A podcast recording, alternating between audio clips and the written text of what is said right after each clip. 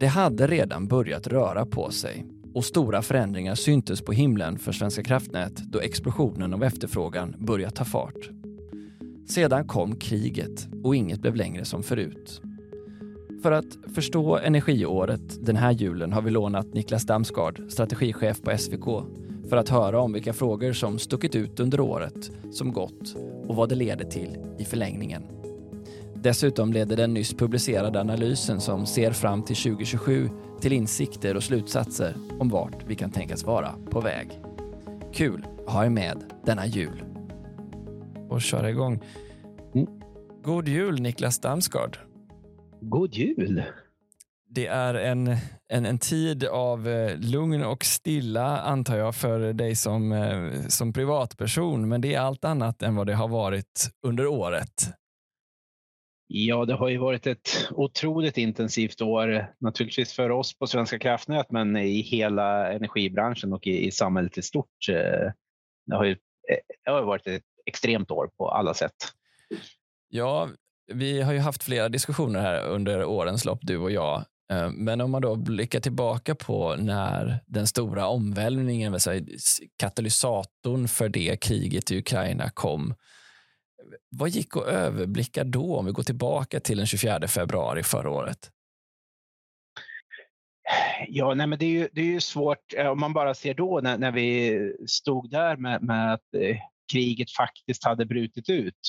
Eh, då var det stora frågor där, men hur länge skulle det här eh, eh, pågå? Eh, skulle det vara det här snabba som, eh, som Ryssland hoppades på, den så kallade specialoperationen, och vad omvärlden reagerar på, på det här? Skulle man så att säga, acceptera det som man har, har gjort historiskt i, i någon mening med både Krim och, och Georgien och, och, flera andra eh, händelser? Eller skulle man eh, sätta eh, liksom ett, ett hårdare motstånd här?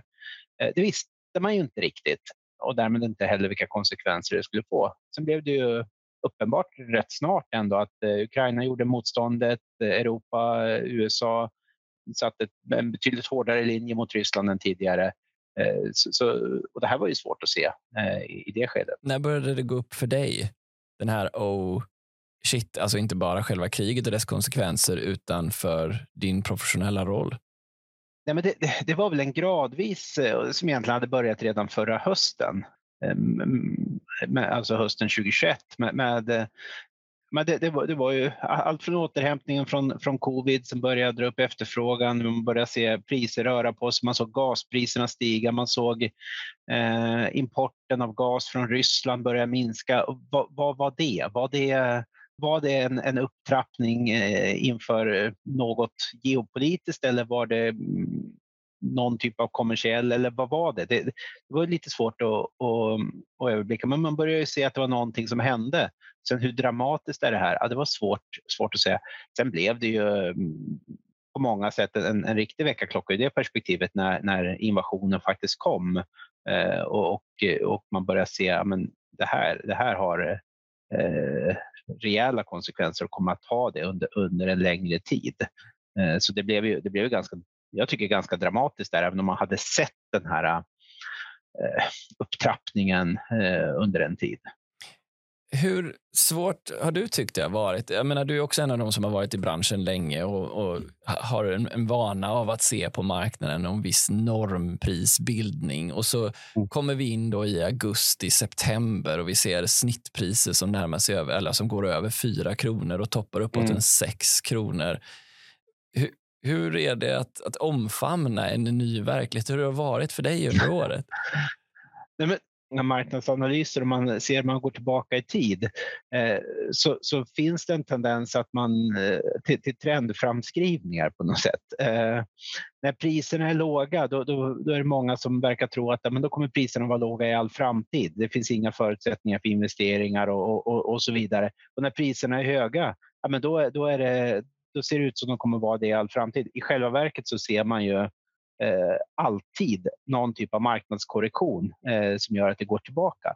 Och det här är ju något annorlunda, även om jag tror man kommer att se det kommer att gå tillbaka här också. Men det här, det här var ju jämfört med de typer av variationer eh, helt annorlunda och helt utanför det vi, vi så att säga har någon vana vid. Så hur det var väldigt svårt att säga hur kommer till exempel eh, efterfrågan att, att eh, reagera? Hur kommer konsumenter att, eh, och företag att reagera på det här?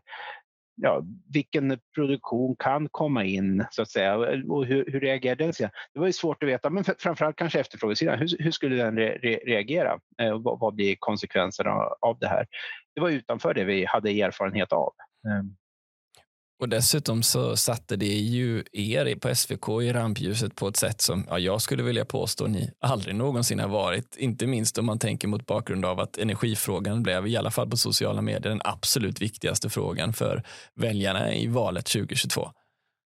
Ja, ja nej, men vi följer ju eh, mediebevakning och hur mycket vi omnämns och liknande. Och, det är ju, och, och kontakter vi får in till oss och alla sådana. Och det, det har ju har ju aldrig varit, det var ju högt i början av året men sen som det har varit under, under hösten så är det ju, eh, det, det, nej det är inte jämförbart. Så den, den eh, vad ska man säga, kännedomen om oss har ju ökat eh, väsentligt och det, det, finns ju något, något bra i det även om det är en, mot en extremt tråkig bakgrund. Har det ändrat någonting på din egen syn på SVK och er roll under året skulle du säga? Ja, men en del är ju att vi, vi kanske, om man, om man tänker utifrån ett, eh, säg, mer, mer ett kommunikationsperspektiv till att börja med, så, så, historiskt så har vi ju framförallt kommunicerat mot branschens aktörer, myndigheter och, och liknande. Eh, inte mot eh, så säga, privatpersoner och, och eh, den breda allmänheten. Eh, det har vi ju fått eh, svänga om eh, och, och säga att men vi har en målgrupp, vi behöver kunna komma ut och kommunicera även mycket bredare mot en mycket bredare grupp av intressenter. Så det, det är ju en, en aspekt i det här. Sen tror jag det har kommit upp liksom att, att eh, vi har så pass, vi har stora utmaningar här och eh, eh Svenska kraftnät är liksom en av få aktörer som har den, kanske ja, det, det, är väl den aktör som har den bästa systemöverblicken i, i Sverige naturligtvis. Det är vi som sitter på den. Eh, och därmed så sitter vi också på mycket av den expertis och delvis eh, då, många av de lösningar som, som kanske behöver komma till och eh, det, det, tror jag liksom att eh, vi har nog breddat synen på, på, vår, eh, på vår roll och ser, ser att eh, ja, men vi måste omfamna det här för det är ingen annan som kan göra det. Eh, så det, tror jag också har skiftat lite grann. Ja, för det är väl någonting jag har noterat i er kommunikation att ni har blivit tydligare eller vad man säger, mm. vad det som behövs. Att det kanske tidigare uppfattats som lite för ett gränsland för det, för det kan uppfattas politiskt och uttrycka sig om uppfattning om elsystemet, men att ni ändå tagit vissa kliv framåt och uttryckt mer exakt vad ni tycker behövs?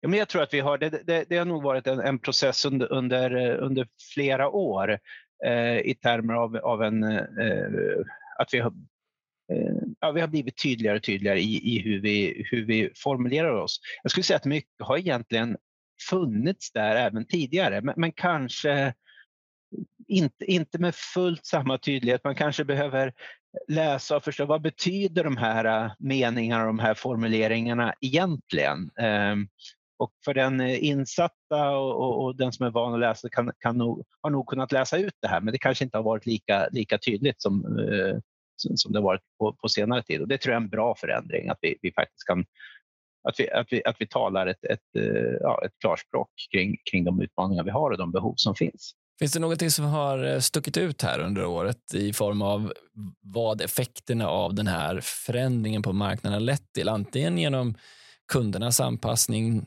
energieffektivisering eller genom tillskott på produktion. Är det, är det några rörelser? Vad, vad har du sett?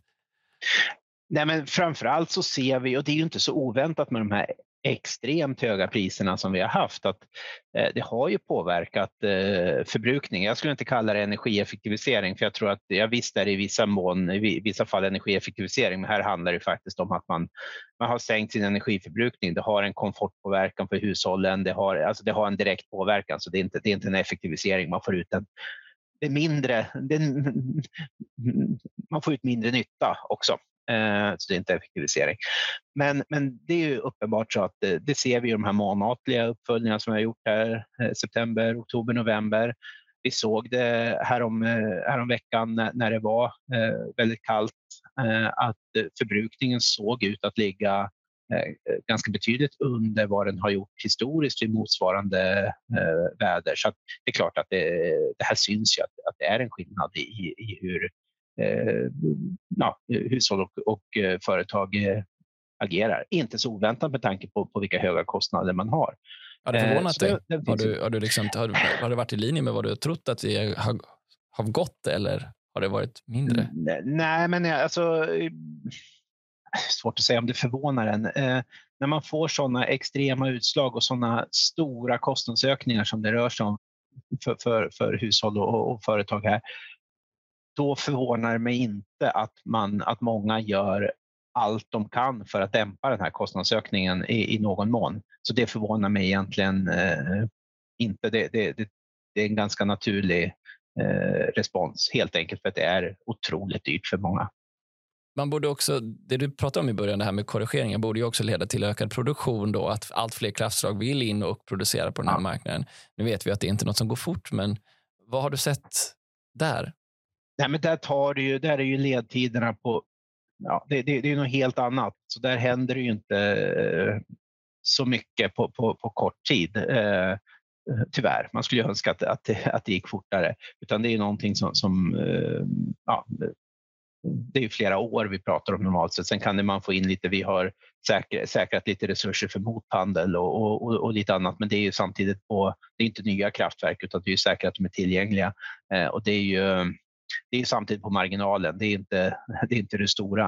Eh, men här tror jag att vi står inför en, en, en utmaning. Vi ser ju det i eh, både den här europeiska analysen, eh, European Resource Adequacy Assessment, vi ser det i vår eh, kortsiktiga eh, marknadsanalys att, att utmaningar med tillräckligheten i Sverige, eh, södra Sverige men även i, i norra Sverige på några års sikt ökar betydligt. Så takten att få in de här investeringarna i produktion, i, i, i så att säga, stabil eller firm, om man pratar engelska, produ eh, produktion och även den, den nödvändiga flexibiliteten. Det, det, kommer att vara en, vara en utmaning som vi, kommer, eh, som, som vi måste hantera. Och där tror jag att det kommer att behöva ses, liksom, bli förändringar också kring hur vi stimulerar och ger incitament till, till investeringar för att vi ska få de här i den takt som vi som vi vill eh, för den eh, omställning och den elektrifiering som vi, vi står inför. Ja, det sägs ju ofta generellt när man jobbar med förändringsledning att i början av en större förändring så krävs en viss centralisering för att visa på, staka ut vägen, eh, visa på vad som behöver hända innan så här, besluten decentraliseras igen när man har åtnått någon form av stabilitet. I vilken mån har jag rätt i att det också är applicerbart här? I vilken mån behöver vi en central beslutsförhet när det kommer till hur vi ska designa elsystemet? Har, och har det förändrats någonting under året givet vad som hänt? Nej, men det, eh, eh, men jag, jag, jag, tror du har en poäng i det. Eh, och jag vet inte om, det, om just det har förändrats under året, men jag tror att det har blivit tydligare och mer uppenbart. Eh, sen att det bakomliggande har funnits samma typ av behov. Eh, eh, det tror jag. Det, det, är väl egentligen inte det som har upp, uppkommit i år. Då. Men, eh, och, och, och, där pratar vi om att det är både att, ja, nu pratar jag framförallt om att få in tillräcklig produktion, men det kan ju naturligtvis även i, i i viss mån vara, men få, få flexibiliteten på efterfrågesidan, få energilager och så vidare. Men, men produktion tror jag är en, en, stor utmaning här. Men också att få lokaliseringen av det här på, på rätt platser det, det, det, så det är både volymen och, och, och platserna, så att säga, var, var det ska lokaliseras. Så det, det krävs någon typ av koordinering här eh, som, som, eh, som vi inte har riktigt idag. Ja, för man tänker då den här KMA som ju, ni kom ut med ganska nyligen ändå. Eh, där visar ni på att det finns en balans även i det svenska systemet bortåt 2027, men att den minskar. Den totala mm. nettoexporten mm. minskar.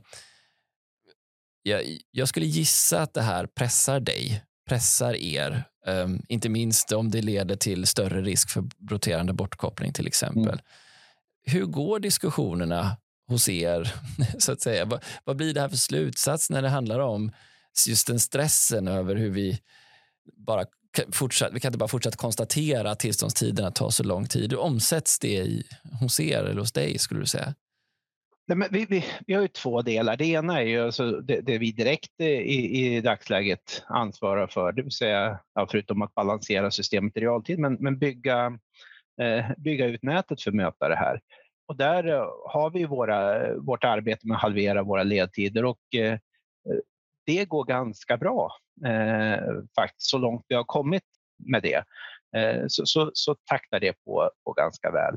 Samtidigt så, så eh, tror jag inte att det, det, eller det räcker ju inte, för vi har ju också, pratar vi särskilt den här storskaliga elektrifieringen så behövs det också stora, stora mängder produktion. Vi kommer inte att kunna bygga nät för att hantera det här, utan det behövs eh, produktioner, det behövs produktion på rätt platser med, med, med rätt, eh, rätt egenskaper också. Och det, eh, det är en sak som ligger utanför vårt, vårt nuvarande mandat, men det är någonting som jag ser är helt nödvändigt för att det här ska liksom få, ihop. Den politiska responsen på all den här krisen den är ju för all del både europeisk likväl som den är nationell. Har du någon reflektion kring det? Vad har stuckit ut? Nej, men, eh, jag, jag har alltid sagt, alltså, när vi tidigare har haft perioder med, med höga priser och det har varit eh Eh, protester från, från elkunder att ja, men nu, nu, är det dyrt. Att, att de svenska och de nordiska politikerna har, har stått emot det här och sagt att nej, men marknaden ska få, få, få verka. Det här är inget konstigt. Det, det är som det ska vara. Vilket jag tycker har varit en väldigt sund reaktion. Nu har vi en helt annan typ av reaktion och det är inte så konstigt för vi också, eh, vi är ju in, skalan i den, eh, i den utmaning vi står inför nu och de prishöjningar vi har sett är något helt annat än det, än det, än det vi har haft tidigare. Så det är inte så konstigt. Och det gör ju att det vi ser är ju fullt förståeligt väldigt mycket av eh, kortsiktiga krisåtgärder där många kanske inte av de åtgärderna inte nödvändigtvis leder åt det håll vi långsiktigt vill. Um, och det tror jag, så, eh, hur, alltså hitta den kombinationen av att göra det som krävs här kortsiktigt för att hantera eh, den akuta krisen men samtidigt ha blicken kvar på målet. Målet är att vi ska vad heter det nu, decarbonize, dekarbonisera, det är ju inget bra svenskt ord, men, men eh, vi ska göra det med hela samhället, elsektorn i hela Europa men också hela samhället. Och det är det målet vi behöver ha. Det är det målet vi behöver ha vad gäller regelverk, vad gäller politisk styrning eh, och så vidare. Och det gäller ju inte att tappa det för att vi har en, eh, en kris idag. Så, så de två tankarna måste man på något sätt eh, eh hålla, hålla i huvudet samtidigt. Och nu har det ju eh, riskerar att leda fel när man eh, ingreppen med, med olika typer av intäktstak, eh, pristak och, och, och, och, liknande. Jag är inte säker på att det är rätt lösningar. Jag förstår samtidigt att man har gjort det, men, men eh, det kan också leda väldigt fel. Ni har ju den här uppgiften och också förmågan att modellera det svenska systemet på ett, eh, ett eh, ja, avancerat sätt. Och det är ju många av oss som tittar på era både kortsiktiga och långsiktiga marknadsanalyser för att hämta svar eh, över vart det här är på väg. Hur, givet hur turbulent den här, eh, det här året har varit och hur lite du förmodligen hade kunnat säga som var rätt i januari av hur det nu har blivit i december. Hur har det varit att ta sig an den här uppgiften nu givet den senaste årets, årets erfarenheter? Nej, men allting rör ju på sig har ju, det, eh, hela tiden på, på, på ett mycket snabbare sätt än, än, äh, än vad vi, vi är vana vid. Och, och man ska ha klart för sig när vi Eh, Eh, gör våra modelleringar och våra marknadsanalyser, även det som vi kallar för den kortsiktiga marknadsanalysen, så är de betydligt mer tröga och långsiktiga än om man tänker en marknadsaktör som sitter och handlar, som sitter och gör eh, dagliga modelleringar och simuleringar och hela tiden får in det. Det gör ju vi typiskt sett inte och har inte gjort historiskt. Så det är ju naturligtvis bara det en utmaning ehm, i sig. Vad ska vi, om vi gör analyser som sträcker sig över eh, några års, års tid, vad ska vi använda bara antagande. Vilka bränslepriser ska vi ha när det på en, två veckors tid eh, eh, förändrats? Eh, så, så, så, det är en, en del här bara. Att det, det, det blir svårt när man som vi typiskt sett modellerar och analyserar på betydligt längre sikt om vi ser på, på de här både kortsiktiga och långsiktiga marknadsanalysen. Sen sitter det och görs naturligtvis driftrelaterade analyser men, men, det, men det är en annan, en annan typ. Så det, det, är, det är en del. Men också hela osäkerheten. Ja, vi står sannolikt då inför en omfattande elektrifiering. Men hur snabbt kommer den att gå? Vad av det här kommer att eh, realiseras? Både av kommersiella skäl, hur snabbt kan vi klara av att ansluta, finns produktionen? Det är väldigt stora osäkerheter jämfört med att vi historiskt har haft en ganska stabil situation. Eh, och där, där blir det ju naturligt väldigt mycket eh, man, kommer in, man, man, man vet inte eh, hur, hur, det här faktiskt kommer att eh, sluta och, vi, och, exakt hur snabbt omställningen kommer att gå och så vidare. Jag förstår. Det skriver ni ju också i er analys, just att det här att det är ambitiösa tidsplaner och att det finns ju risk erfarenhetsmässigt att sådana här planer skjuts på tiden. Mm. Ändå också med det här fingret upp i luften så gör ni bedömningen där ni justerar efterfrågebehovet med väldigt mycket sett i en mm. historisk kontext. Det är 10 terawattimmar i jämförelse med senaste kortsiktiga marknadsanalysen fram till 2026. Det är ju, det är ju ändå i historiska mått mätt otroligt stor förändring. Ja, det är ju otroligt eh, mycket och det, det ligger ju det trycket, det ligger ju de eh, eh, eh, det, det, här är ju typiskt sett inte sånt som vi bara sitter och, och, och hittar på väldigt mycket. Vi, vi baserar ju eh, det exempelvis, eh, mycket av de analyserna vi gör, vi baserar på våra, eh, det kan vara våra anslutningsförfrågningar, det som kommer in. Så det, det, det ligger ju konkreta projekt och konkreta case bakom det här. Så det är inte, det är inte bara fingret i luften, ni tittar på Nej, siffrorna? det är inte bara fingret i luften och sånt som vi, vi som sitter och hittar på och tänker att men så här kanske det kan bli, utan det ligger ju faktiskt konkreta projekt här bakom. En av de saker som ni också trycker på just när det kommer till det här med balansen är ju det med effektreserven. Där ni skriver också att balanseringsresurserna ju snart är uttömda, apropå hur man mm. använder då exempelvis Karlshamnsverket. Hur, hur ska vi tolka det när vi läser detta? Nej, men det, det, det, finns särskilt i södra Sverige om vi, om vi pratar just balanseringsresurser och, och, och kanske lämnar den här bredare effekttillräcklighetsfrågan. Men, men bara den, så finns det ju ett behov av mer eh, av den typen av flexibla resurser i framförallt i södra Sverige.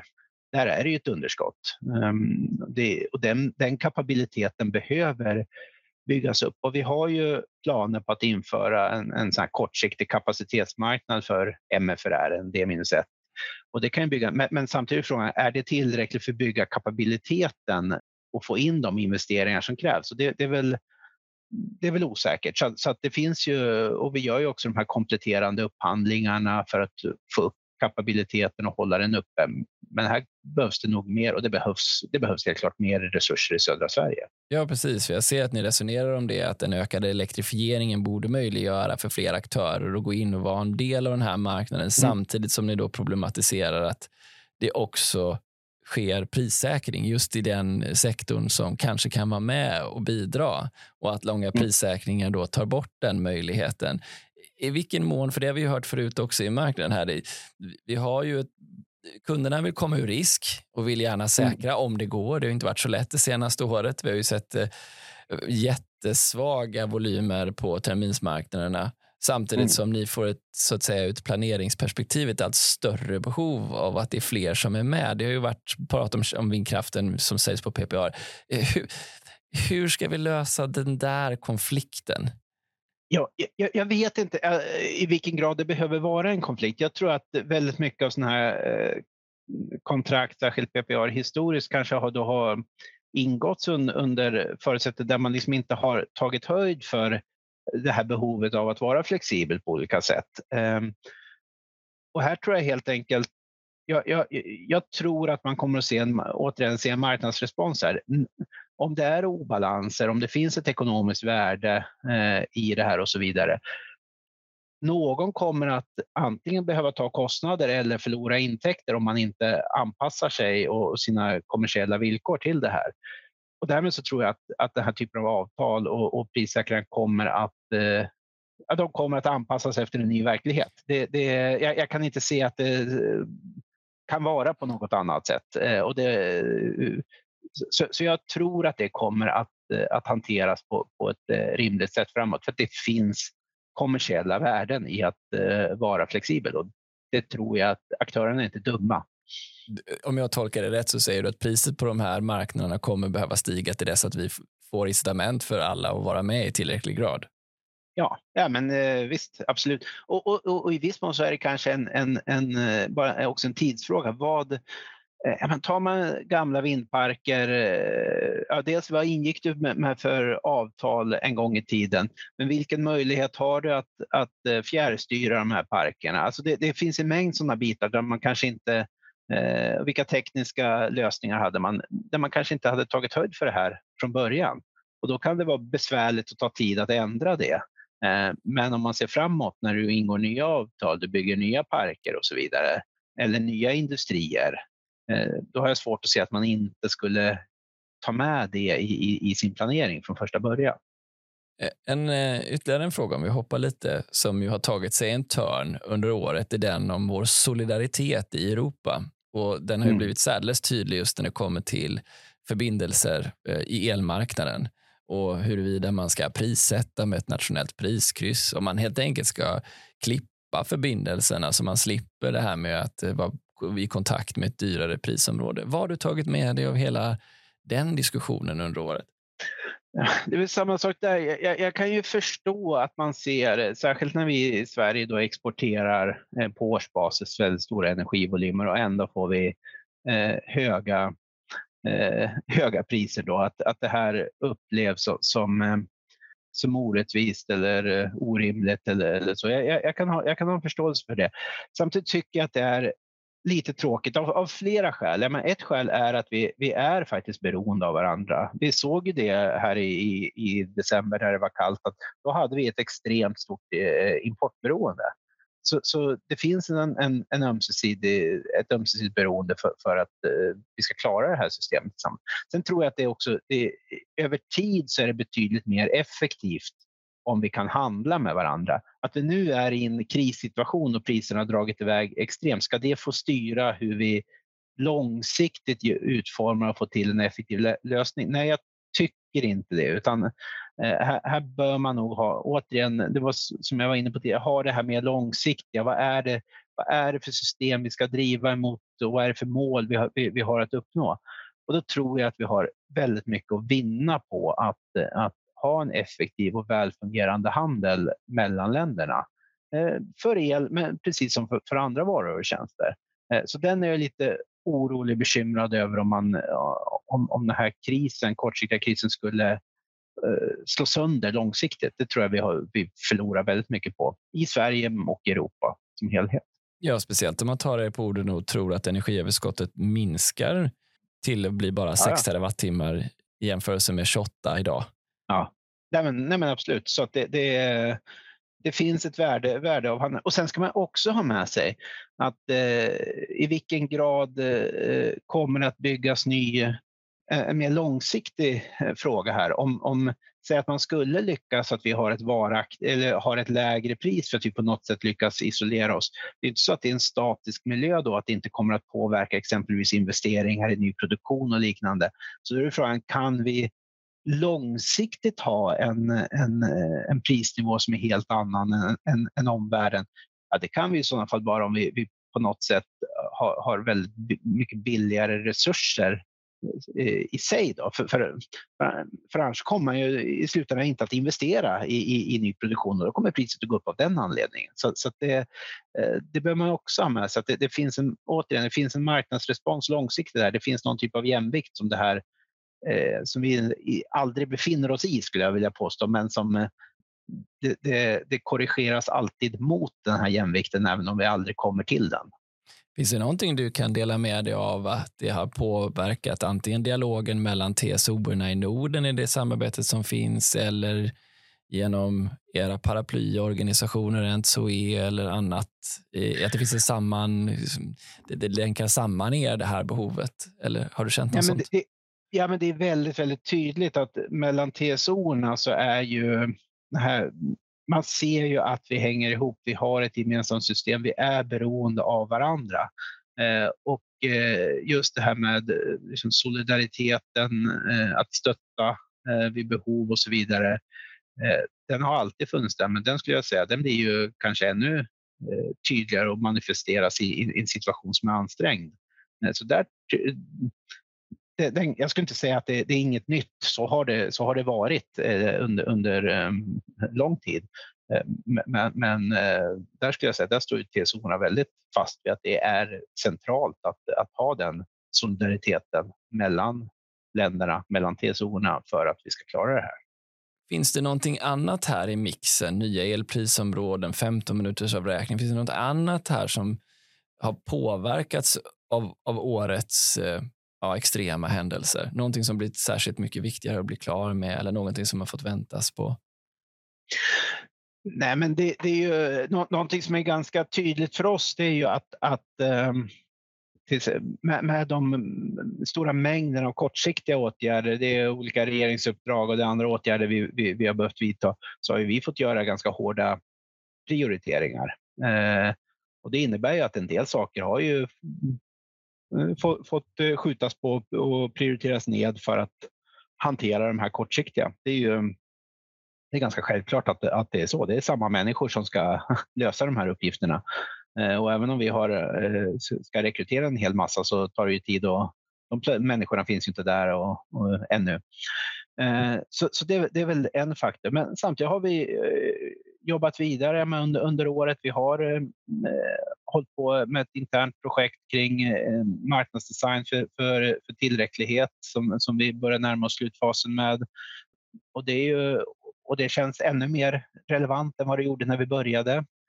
Eh, sen har vi jobbat även, vi har sett på eh, internt med, med sån bristprissättning på eh, om man ska införa det. Just nu kanske det känns lite mindre relevant med tanke på de höga priserna vi har. Eh, men, men lika fullt så, så vi har jobbat på med en del sådana eh, långsiktiga frågor eh, parallellt med att hantera väldigt mycket av, av det här kortsiktiga också. Ja, det för mig in på den nyfikna frågan, för jag vet att ni håller på med det här med, med tillräcklighet och frågan om den typen av mål eller styrning av kvalitetsparametrar i nätet har ju diskuterats även politiskt. Finns det någonting där, det jobbet ska presenteras i januari om jag har rätt informerad? Ja, men vi börjar närma oss där eh, och sen så, nu har vi inte eh, fått dem än, men eh, eh, det har ju annonserats att det är ett nytt eh, eh regeringsuppdrag på gång som ju kopplar till, till som förefaller ha viss bäring på den här frågan. Men vi, jag, har inte, jag har inte sett det ännu. Det beslutades ju härom veckan. Behövs det sådana mål? Behöver vi det? Jag tror mål är en sak. Jag tror att det centrala är, ska man ha mål så behöver vi också ha verktyg sätta ett mål utan att ha, ha någon typ av verktyg för att eh, säkerställa att man kan nå det här målet, det, det har jag ganska lite tilltro till. Så att jag tror att verktygen där, vilka verktyg är det vi kommer att ha och hur ska de utformas? Det tror jag är den centrala frågan, snarare än målen som sådana. Det var ett väldigt spännande svar tycker jag. Det ska jag följa noggrant under nästa år, apropå vilka verktyg som eh, SVK som en aktör skulle behöva för att kunna uppfylla ett sådant mål. Vi kommer tillbaka till det. Mm. Spännande. Ja, men då titta bara och avrunda. Så här, vi, vi, nu har vi ändå 2023 i, i farstun och eh, där gör ni ju också vissa, liksom, i, i, ni har prognoser ska jag säga. Och eh, det vi ser då, är, vi har pratat om att överskottet minskar. Vi har också pratat om att, eh, eller vi har inte pratat så mycket om att det ni ser är också att variationen är fortsatt väldigt hög, även när ni mm. blickar fram till 2027. Det är variationer i SE3 och SE4 uppåt som, som har en, en, en spännvidd i era osäkerheter på flera kronor. Eh, är det det vi har att förvänta oss? Den här marknaden kommer att vara fortsatt väldigt volatil fram till 2027. Ja, men det, det, tror jag absolut. Och det är egentligen något som man har sett under en, många år att, att eh, med ett, ett eh, system som eh, där är betydligt mycket mer väderberoende produktion och så vidare, då, då kommer Eh, oavsett vad genomsnittsprisnivån är så kommer eh, volatiliteten att eh, bli, bli väldigt mycket större. Men nu står vi med, med ytterligare en mängd osäkerheter som, som ju så att säga, förstärker den här, den här situationen. Och det kan man väl också gå in på, till exempel, ja, men vi pratar så mycket om våra kapacitetsavgifter eller flaskhalsinkomsterna. Och det är bara att se hur svårt det är att, att prognostisera volymen av dem. Vi har haft ett enormt inflöde under 2022 och vi prognostiserar ju någonting framåt. Men, men det här är ju, det drivs ju väldigt mycket av de prisskillnader vi har mellan, mellan elområdena. Vi har ju sett här, ja, de var väldigt, väldigt höga tidigare i år och sen så har de fallit ganska rejält här nu under eh, november, december för att vi inte har haft eh, så stora eh, prisskillnader internt i, i, i Sverige. Och det här eh, det, det, det svänger. Det är genuint otroligt svårt att veta var det här tar vägen. Och om man då blickar det här framåt några år, ja, det är, osäkerheten är enorma. För Ert resonemang där måste ju ändå vara att det får inte vara för riskfyllt heller för er på SVK. Det måste ju finnas en, en finansieringsbas för det hela TSO-åtagandet med nätutbyggnad, marknadsövervakning, marknadsfunktioner. Eh, jag antar att ni behöver vara, vad ska man säga, eh, lite försiktiga i era antaganden där.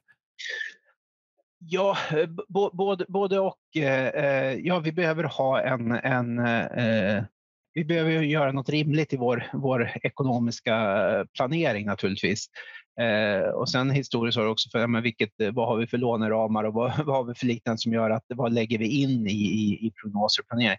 Men, men jag tror att eh, det är liksom en sån ekonomisk planeringsaspekt, men jag tror att det, det centrala här är ju att, att det, är, det är svårt. Eh, men vi kan ju inte heller då ta höjd och säga att men vi, vi, vi planerar för att det blir det, det högsta utfallet hela tiden. Det, det, ju, det, det, kan vi inte heller riktigt göra, utan det här kommer man att behöva, man behöver följa det, man behöver uppdatera det.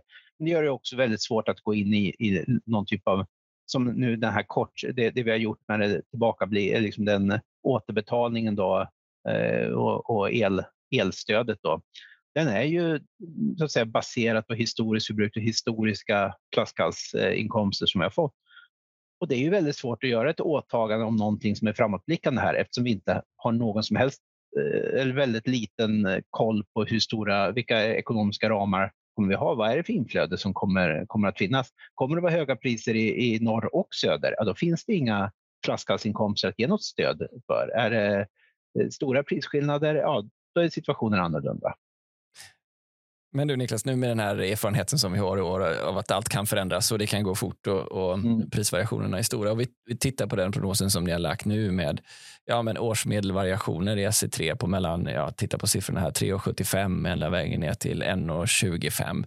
Vad, vad tror du det är för, säg att det här blir hållande fram till 2027, även om ni pekar på att priserna kanske ska vara något dalande ändå. Mm.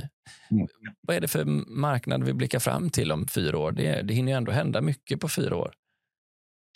Ja, men jag, jag, jag tror en, en sak som vi redan har börjat se, det, det är ju att eh, eh konsumenter på olika sätt blir mer eh, alltså den här efterfrågeflexibilitet, eller att man styr sin förbrukning.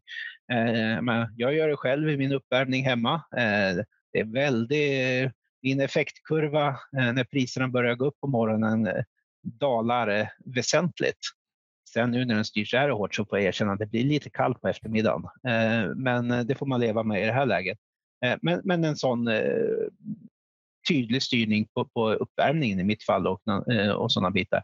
Det tror jag kommer att fortsätta och, och växa med den här volatiliteten. Och det, det, det, det är bra och i grunden så är det någonting som, som kunderna, då kan man liksom dra nytta av perioder med, med, med lägre priser, inte bara drabbas av, av perioder med, eller timmar med, med, med, höga priser.